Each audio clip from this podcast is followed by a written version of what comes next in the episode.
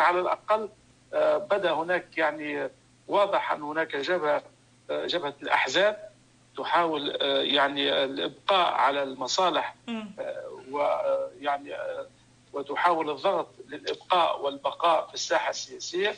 وهناك رئيس جمهورية وهناك حركات شعبية ترفض بتاتا عودة هذه الأحزاب إلى حياتها السياسية. هنا صلب المعركة، صلب المعركة اليوم هي بين يعني حركة 25 جويليا والأحزاب التي حكمت على مدى عشر سنوات. ربما رئيس الجمهورية أيضا ينتظر قرارات القضاء التونسي. هناك الكثير من من هم متورط من نواب معروفين ورجال أعمال وغيرهم وإداريين وموظفين سامين متورطون في الفساد بملفات قضائية موجودة. ربما ينتظر رئيس الجمهورية يعني العمل القضائي لمباشرة حركته التغييرية السياسية. هذا كله يجعلنا في جو يعني la rentrée politique في تونس باش تكون سخونة باش تكون يعني فيها تصادم. تصادم يعني بالمعنى السياسي.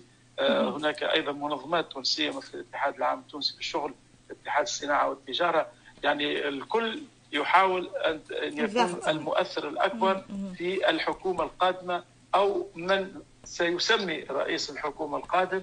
فبالتالي نبقى دائما الصراع ما بين الاتحاد العام التونسي للشغل وما يمثله يعني من جهات والاتحاد الصناعة والتجارة. والتجارة واتحاد الفلاحين. يعني قعدنا إحنا في المنظمات اللي بدأت في خلق الدولة التونسية في الستينات في بداية الستينات. ما زلنا ما خرجناش من حجم التأثير لهذه يعني المنظمات رغم أن الشعب والحركة السياسية في تونس يعني بدأت حركة جديدة اليوم. يعني ما عادش تعتمد على الحزب الدستوري ولا الاتحاد العام التونسي للشغل.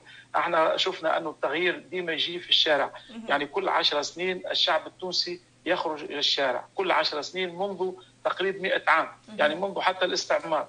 فيعني هناك يعني الشعب وهناك النخبة النخبة التونسية كانت نخبة قريبة جدا من يعني من أوروبا خلينا نقول يعني متفاعلة مع يعني الدول الأوروبية استمتعت بالاستعمار ثم استمتعت بالدولة الوطنية وكان الشعب ديما هو اللي يحاول يعني يقاوم ويناضل من أجل يعني مصالح طبقية أو مصالح يعني شعبية، اليوم وصلنا لدرجة أنه هذه النخبة ما عادش تمثل شعبها، يعني هناك فقر في النخبة السياسية. حتى النخبة الاقتصادية تتذكر إحنا كما مرات عديده نتكلموا على معنى رجل الأعمال.